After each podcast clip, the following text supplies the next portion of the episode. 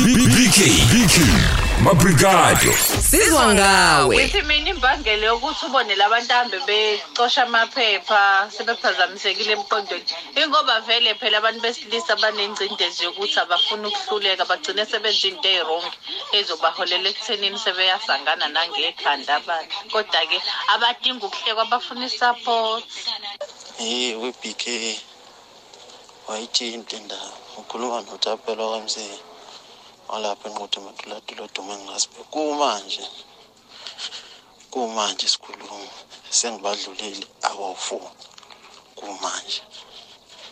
Ngila ekadla mina Sprite. Selokhu aphelela umsebenzi akaphindanga ngoba uyena. Namhlanje uhamba emgwaqweni. Selokhu adivorce akaphindanga ngoba uyena. Eh, namhlanje uhamba emgwaqweni. Selokhu ahlukana eh, nentombi yakhe akaphindanga ngoba uyena. Namhlanje uhamba emgwaqweni. Yini ledla amadoda omunye uthi waphanjanisele phanjaniselwa eh, lapha ke umuntu ayethandana naye. Njoba dumuzo omunye ekhuluma phambili ethi abanye abantu besilisa inkinga bayithola sebengena kule nkinga abakuyona ngenxa yokuthi badlala ngabantu besifazane. Umuntu wesifazane bese yamlimaza ngomuthi kumbe ethi uyamdlisa eh njalo njalo mhlambe kudinwa idlozi gcine sekhahleleka gcine segoba omunye uyashona ngisho ukushona eh mawuthi uyamdlisa kanti eh idlozi alivumi eh ukuthi lo doti lo ngoba phela mawudlisa umuntu ningi umnuko benziwayo konke hey Hayi Alright angazi sifuna ke kudokotela eh uDr Singe asichazele ngoba usebenza kakhulu ngabantu eh lapha ke abas ngathi suke bephazamisekile eh ngokomqondo. Eh kuningi kakhulu engitheme ngikhuluma naye ngabona ukuthi kubalekile ukuthi eh abantu bekwazi. Eh kodwa mhlawumbe phambi sekuyena eh ngiyafisa futhi ukuthi ke sizwe nabantu bayikhulumela ezinto bayikhuluma ziyathusa. Ngiye ngibone ngoproducer wami esethule nje ukuthi ayabona ke lana ke sebeqala ukukhuluma izinto ezithusayo ngoba nawo umuntu ziqala kuyena ayihluze athi lokho kufanele kuze kumlaleli. Mhlawumbe ke sizwe ukuthi eh obana sethe bavela njengamanje azokwazi ukuthi ke eh, lapha ke abanikeze ithuba. Bakhuluma lapha ku WhatsApp ku 071 eh, 613 eh, 667 71 eh, 613 eh, 667 ake sibezwe. Sawubona BK, igama lami ngixolelwa ngubani? Ngihlala eVanshela Ozwathini. Iwazo sikhuluma isihloko um serious. Abo into engicabanga ukuthi yenza abantu besilisa kakhulu ukuthi ube yibona ngathi baphambanelwe ingqondo kanjalo. Imoski yabo abanye bayantshontsha. Uthola ukuthi uphu- uphuma ekhaya le- eli elinhlwempu lapho kumele uphilise ekhaya abanye abantu besebenzise lonto ukuthi eh bahambe ontshontsha abantu bathunywa abanye abayigwili ukuthi benze izinto engasile izona izinto ezenza kanjalo ukuthi egcine abanye umuntu amtshotshele avele amphambanise ngekhanda ngoba phela umuntu mamtshotshela into yakhe ebalulekile uzocabanga ukubuyisela lowo muntu ngobuhlungu. Mm Sawubona BK noma mina ngingizisho igama kodwa ke ngumama sengashada. Nami umyeni wami ngingangiqale kuye ngingahlo wangishiya wahlo ngahlukana naye wangishiya ney'ngane. Ngapheka ke nami ke ngaphindisela nga- ngathi nje ngifuna ibuko yizwe lonke. Aish. kumanje nje ubusa amaphepha ngiyajabula uyahlanya ngihlale simedlula la emgwaqweni hlanya ngaselutho nje. Hayibo engeke awuphinde lapha mfo? Qezulu.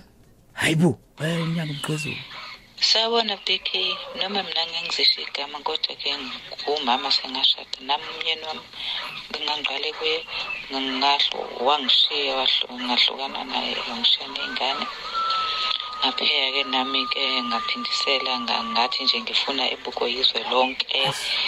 Kumanje nje ubusa amaphepha ngiyajabula uyahlanya ngihlale simedlula la emgwaqweni hlanya ngaselutho nje. Ngiyabingelela BK nguntokozo mina wamsizana. BK incindezi esilethelwa ukungasebenzi. Incindezi okungabibikho kwenhlangano la sizohlangana khona njengamadoda sikhulume. Incindezi esilethelwa uhulumeni okungasebenzi yenza ukuthi sigcine silapha ngoba thina njengamadoda sakhele ukuthi nje sibe yi-provider kona yonke into isinakekela imindeni yethu so uma ungasebenzi amathuba emisebenzi engekho kanje uma evela uhulumeni athi wanikeza abantu besifazane ngoba bona babecindezelekile before. Babengacindezelanga yithi nathi siyawadinga njengabo. So we end up kuba lesimo esikuso njengamanje laba BK yabona nje kubantu abawu-10 ngingasho abantu abawu-8 kusuke ngabantu besilisa. Mm. you know why BK Mm. kudlaliwe ngathi izinyembezi zabazali babo abondli phuma emakhaya bengenazo ibusiso baphume bedlubulundela bangondli ingane zabo abayiphiwe yidlozi nomdali. Babuye badlale ngathi. Sho. sikho isibusiso lapho? Vele vele bazogcina lapho bekhona. Ukungondli nje umuntu angabi nendaba nengane yakhe adlale ngengane zabantu.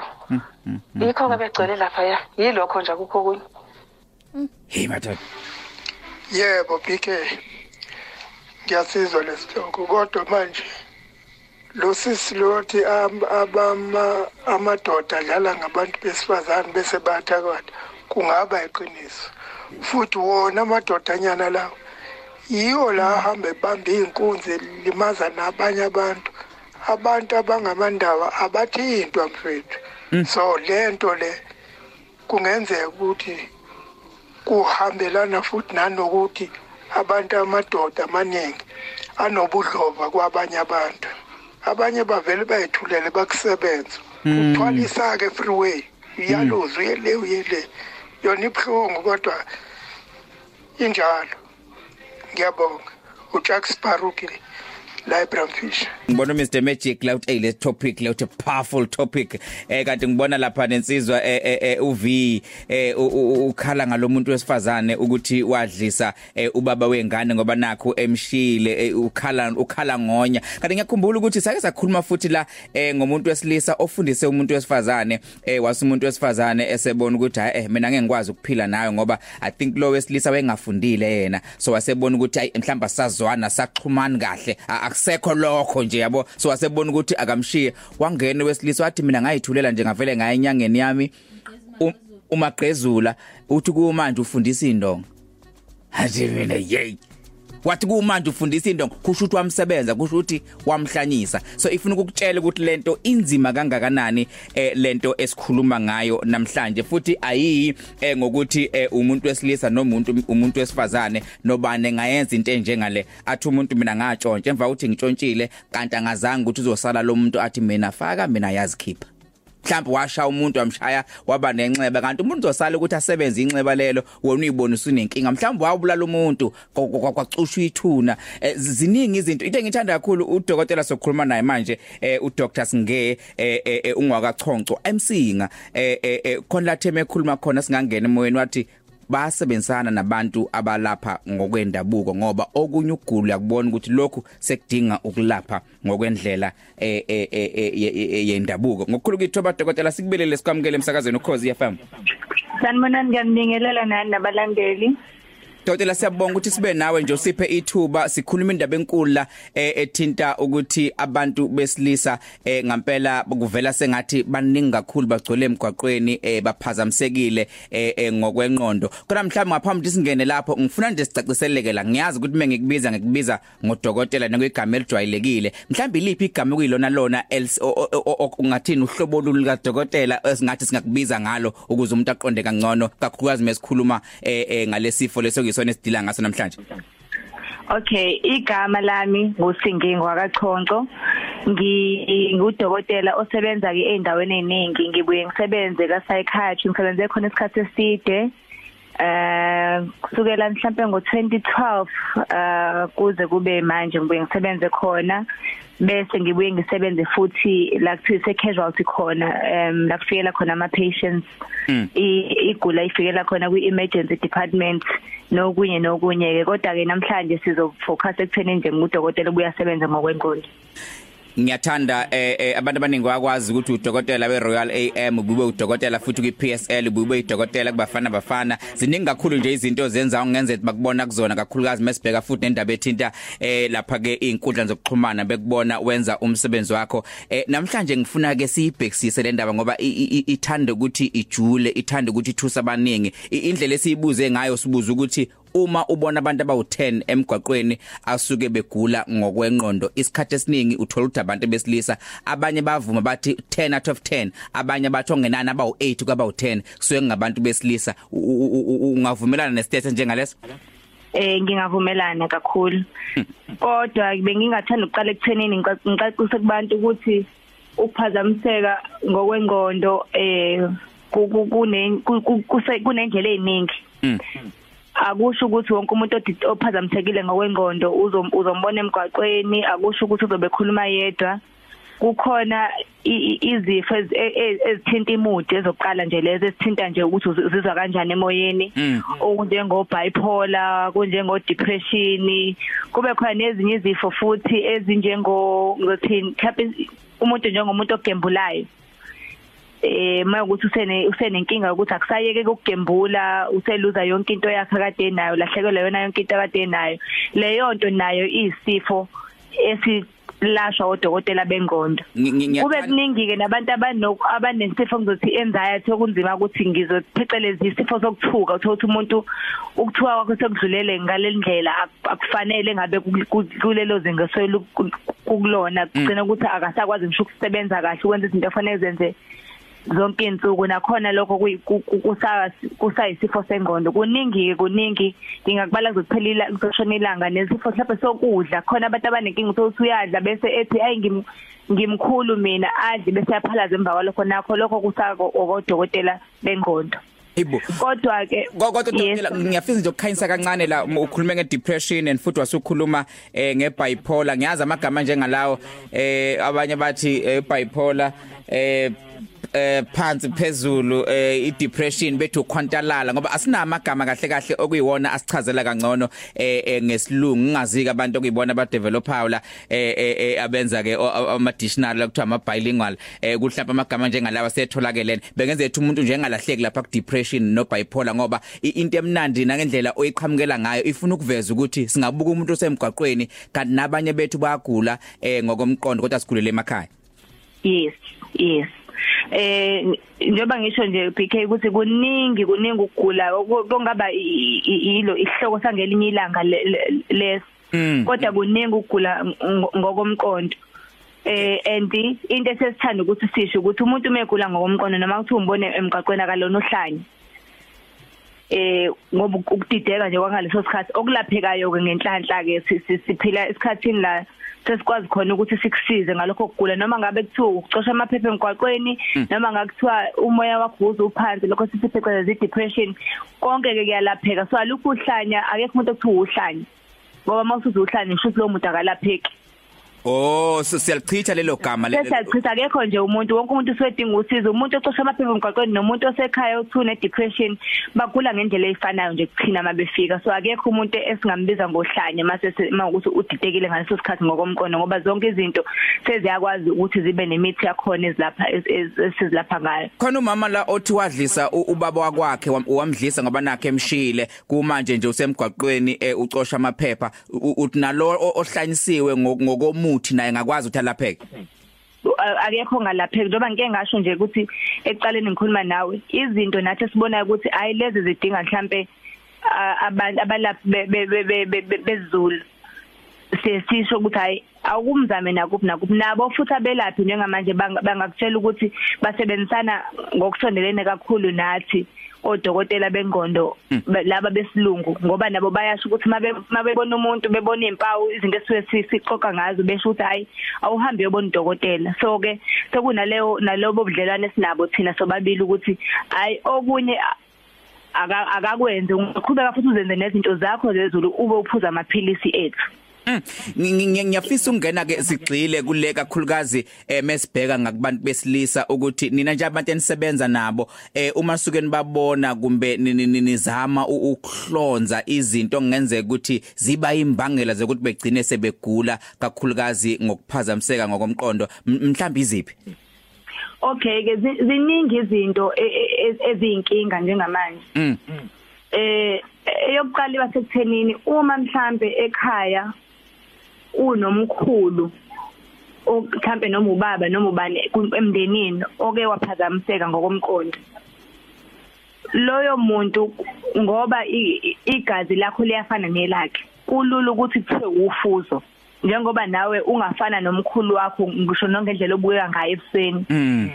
kuyalukulula ukuthi kudlulele kwabanye abantu kodwa ke izifo eziningi ikakhulukazi lezi ezenza ukuthi uzuphuma uye emgaqweni ubaleke ekhaya zidluliseleka kakhulu kubantu besilisa okokuqala lokho Mm. eh bese kuthi okwesibili asibheki lokho kuphela sibheka nezinempilo yomuntu nje ukuthi yini a- a- e- e- emxakile empilweni bese kuba khona ekuthenini indaba yokugula ngokomqondo ngizoyifanisa mhlawumbe noshukela noma ne ne- ne high blood pressure iBP Mm. ekuthenini uma ungayilapha ngisaqala kuqhubeka kuqhubeka kuqhubeka igcine umonakalo usumkhulu kakhulu so abantu besilisa banakho lokho ukuthi sizobizwa ngeinhlanya noma kuthiwa mhlawumbe uzwa amazwana amabili amathathu kusaqala eh anga angaye eclinic eseduzane angathola usizo ngoba uyasaba ukuthi umuntu osebenza eclinic umakhelwane wami unesi endawo especially endaweni zasemakhaya kakhulukazi endaweni zasemakhaya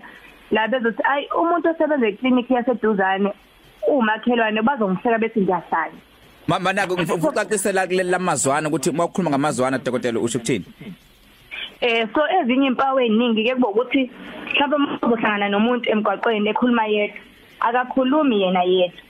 Khona amazwi abantu abasuke bekhuluma naye ekhanda lakhe. Noma kusuke kukhona izinto ayibonayo asuke eziphinde kodwa yena kusuke kukhona asuke emphendula ngaleso sikhathi.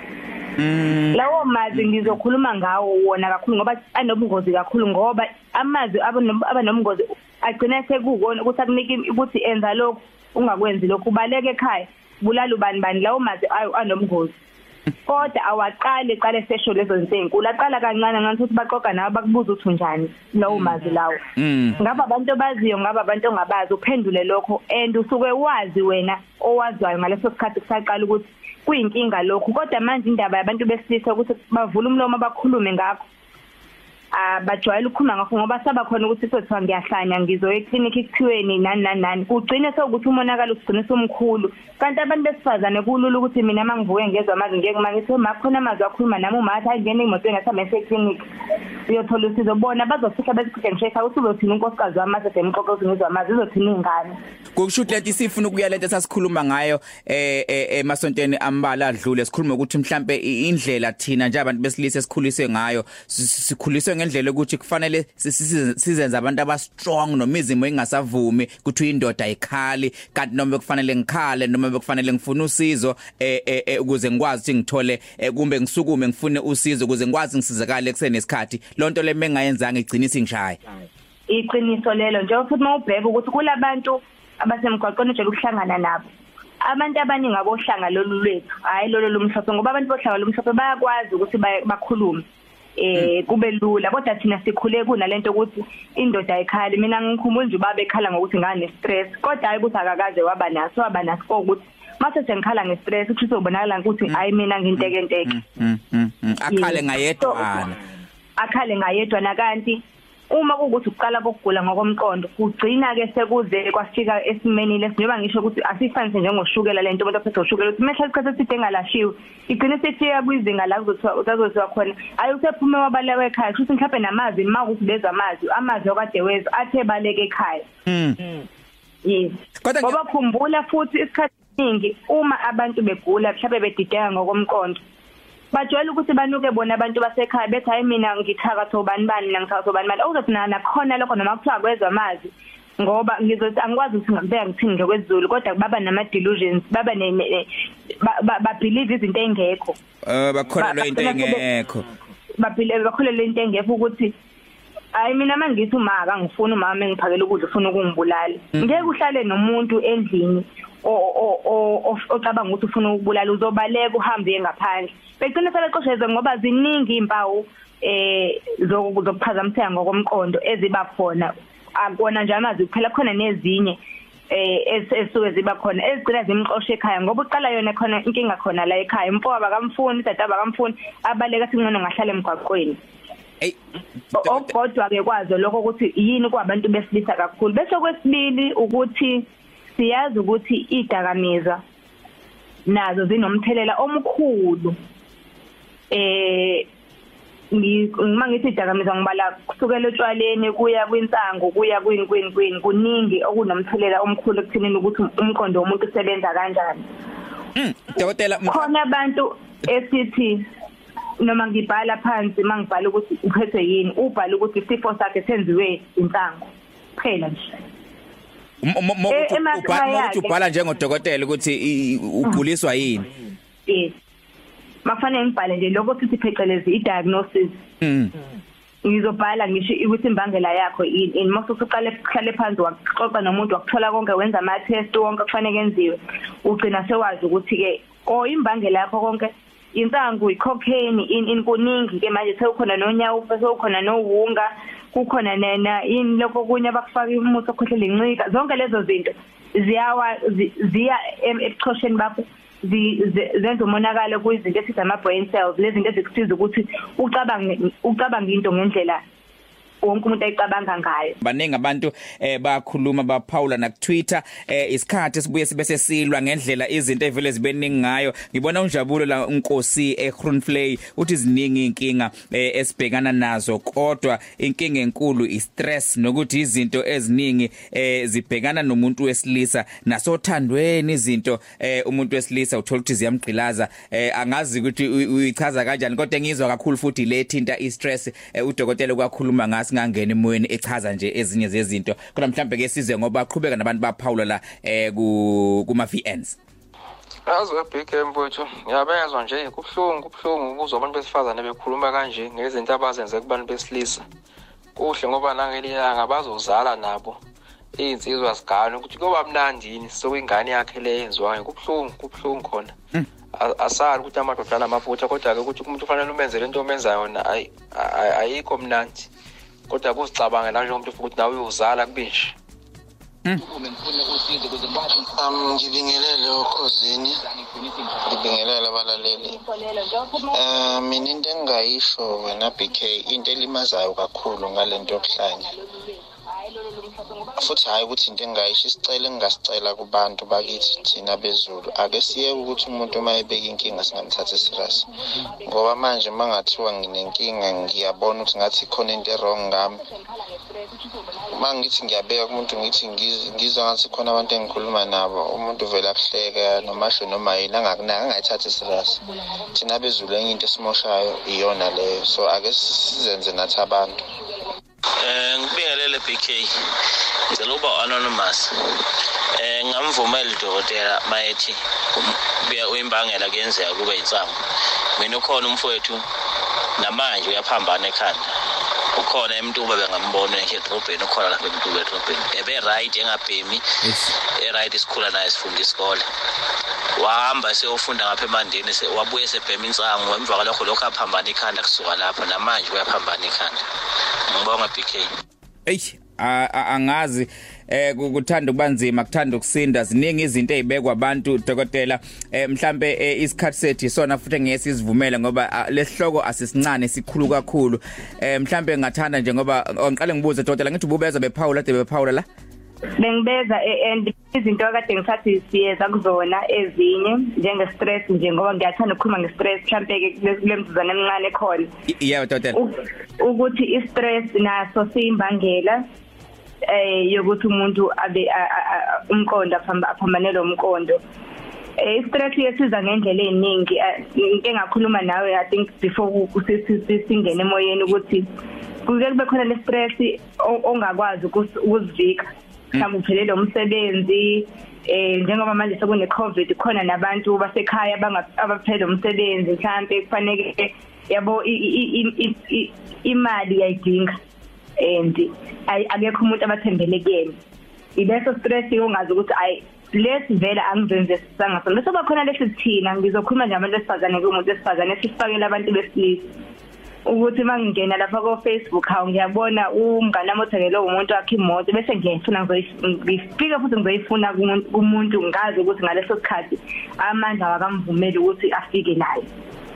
Eh angithengele yona. Kodwa ngoba naye akafuna ukubonakala esekhulele gcine sengene ezikweletini uzama ukujabulisa umndeni wakhe ujabulisa ingane zakhe. Akafuna ukuxoxa manje kubangani ngoba manje sabuthi nakhona bazombona njengesakhuleki kugcina kuleso stress nakhona ziningi izinto noma yini nje stress ayi empilweni.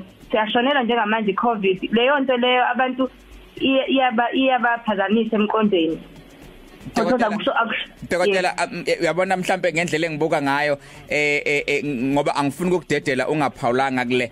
Kuningi kakhulu bengifuna sikhulume. Le ishoyo sizoyibheka kakhulukazi ngolwesine ngoba ngifuna sikhulume nomlaleli sibheke indaba ukuthi i stress njengoba usho abantu abasebenzi corona eh umbidlango kuluthiwe umsebenzi phelile. Izinto lezo uthothi zivusa i stress kumuntu umuntu athuke kugcine sekuvela izifo kuyena ngaphakathi okwazi ukuthi uyibone physical ukuthi hayibo ngiyagula. Ngenxa izinto enjengalezi bengifisa ukugxila kuyona kakhulukazi ngolwesine. Kodwa ngaphambi ukuthi mina ngikudedeleze u2 izinto le nsango ngizoyeka ngenxa ukuthi ubusuyiphawulile kodwa ngifuna ukubheka nje usike sathi mesikhuluma wakhuluma ngisho ngengane ba hyperactive esikoleni thothi ingane omunye ngaze ethi iqinile iphaphile futhi ihlakaniphile njalo nje kodwa mase kuphuma ama result awakhomba ukuthi ihlakaniphile. Okay. So ke inkinga ekhona sesithi ay abantu abakwazi ukudidekela umqondo abantu asebekhulile abantu engacazi abadala kuphela. Nezingane nazo ziyenzeka zididekele umqondo. Yabona khona lezi ingane futhi iqine kakhulu ngisho classini ayikwazi ngisho uqeda u15 minutes ilo ifocusile ilalela uthisha. Emva kwalokho sokufayisukume enyuka iphazamise ezinye ingane leyo nto phecelezi ibizwa nge-ADHD hyper attention deficit hyperactivity disorder. I'm sure wonke umuntu khona umuntu amaziyo akafunda naye wayenjalo. Okuba ukuthi ezikoleni lezi ke manje lezi ezisemadolobheni bafundisekile mhlawumbe abantu bakhona bayazi ukuthi thina sithi ayiyahlupha ayifuni ukuzishaya iphinde futhi enze into efanayo. Ukuthi uzodinga ukuthi mhlawumbe ke manje ingane inikeza amaphilisi nakhona lokho kube koyesinye isifo ingane nazo zinayo udokotela weingane wengqondo kwazo. Nokuthi nasekhaya ngizosho nje ukuthi einganeni zibuye nazo zithinteke kuthenini eh mhlawumbe ubaba nomama sebeshayana ingane lapho isizoqala ke naye ingabi iphazamiseke emqondweni okuyaliwe ekhaya njalo.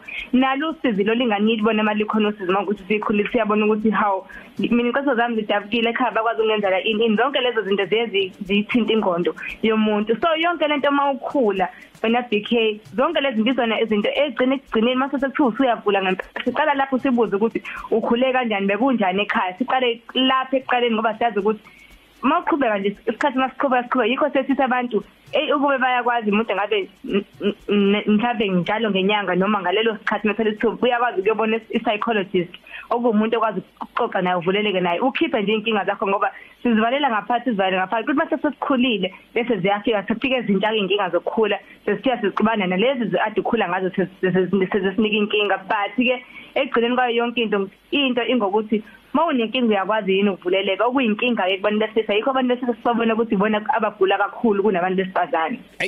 Hey Dokotela angazi eh, mhlambe siyajabula nje ukuthi usinikeze ithuba eh, futhi ngiyazi ukuthi akukhona kokuqala kokugcina sikhuluma ngoba ukhuluma izinto ezithinta thina. Ngiyithanda usuyifaka kumuntu omdala wayifaka umuntu wesifazane wayifaka enganeni. Kwacaca ukuthi lento isithinta sonke ekhaya. Nginesiqiniseko sokuthi siyophinde futhi siyibheke indaba enjengale eh, siyabonga kakhulu nje isikhathi sakho eh, sitheme esikhuluma eh, eh, sitheme esikhuluma kwavela ukuthi eh, eh, awungekwazi ukukhipha inombolo yakho ngenxa ukuthi umuntu obhizi kakhulu nje bade ngisho utholakala ebholeni utholakala kuphi nakuphi ibhedlela ezahlukahlukene. Kodwa phambi ngiphuma ngicela nje ukuze lo muntu lo ophawula nje la bese ngikudedela dokotela ngicela bambe nje kancane. Okay. Sabona BK nawe dokotela. Lokhu kwe stress ngamvumela udokotela ngoba mina ngike ngaba no boyfriend walahlekelwa umsebenzi wathola ukuthi akasakwazi ukuprovide kahle as ifamily yakhe ingane zakhe. Kodwa ke ngosizo engimnike lona ngoba bese ngimbona ukuthi hayi angase sekuqala ungahambi kahle. Ngimfice ekhuluma naye yedwa nje uyabona izinto enjalo kodwa ke ngikwazile ukuthi ngimsize agcine ese right lokho stress cha ngamvumela udokotela ngiyangibonge BK Alright dokotela bakuphasisa khona manje udokotela baqhubeka bakuphasisa futhi. No siyabonga kakhulu kusho BK yebo ma khona khona into ebesike sakhuluma ngaye engizothi fahla kancane nje ngayo hlambe 2 seconds ukuthi ngifuna ukukhumbuza abantu ukuthi nezifo ezisegazini ezingalaphekile eze njengo HIV nani ziyagcina zikholela ekuthenini ugule. So abantu nje mabenga checker nje bayicheck mabethola ithuba vele beyichecka kuzosiza ukuthi kuvikele yonke lento ngoba yonke lento ize ebuchosheni ekhanda gcina manje ama brain cells akhe ngasebenzi ngendlela. Dokotela ama social lapha ku social media sikuthola kanjani? Abantu abafuna nje ukuqhubeka bekulandele ngoba ngiyazi kuningi okubhalayo lapha. Eh ku Facebook ngusinge singethiwe chonco. Ku Instagram ngu Dr Singe. Ngilapha ngikho ke ku Twitter Okay Dr Singe siyabonga kakhulu ma eh siyathemba nokuza sophinde sibe na futhi sikhuluma izinto eziphilisa abantu. Sibonga nje nesikhatsi sakho. Ngiyabonga kakhulu BK ngiyabonga. Shosho bafethu Temvilemo abafana bomkhalambazo siblome no BK kanye nawe 12 to 3 ukhozi FM oluhamba phambili.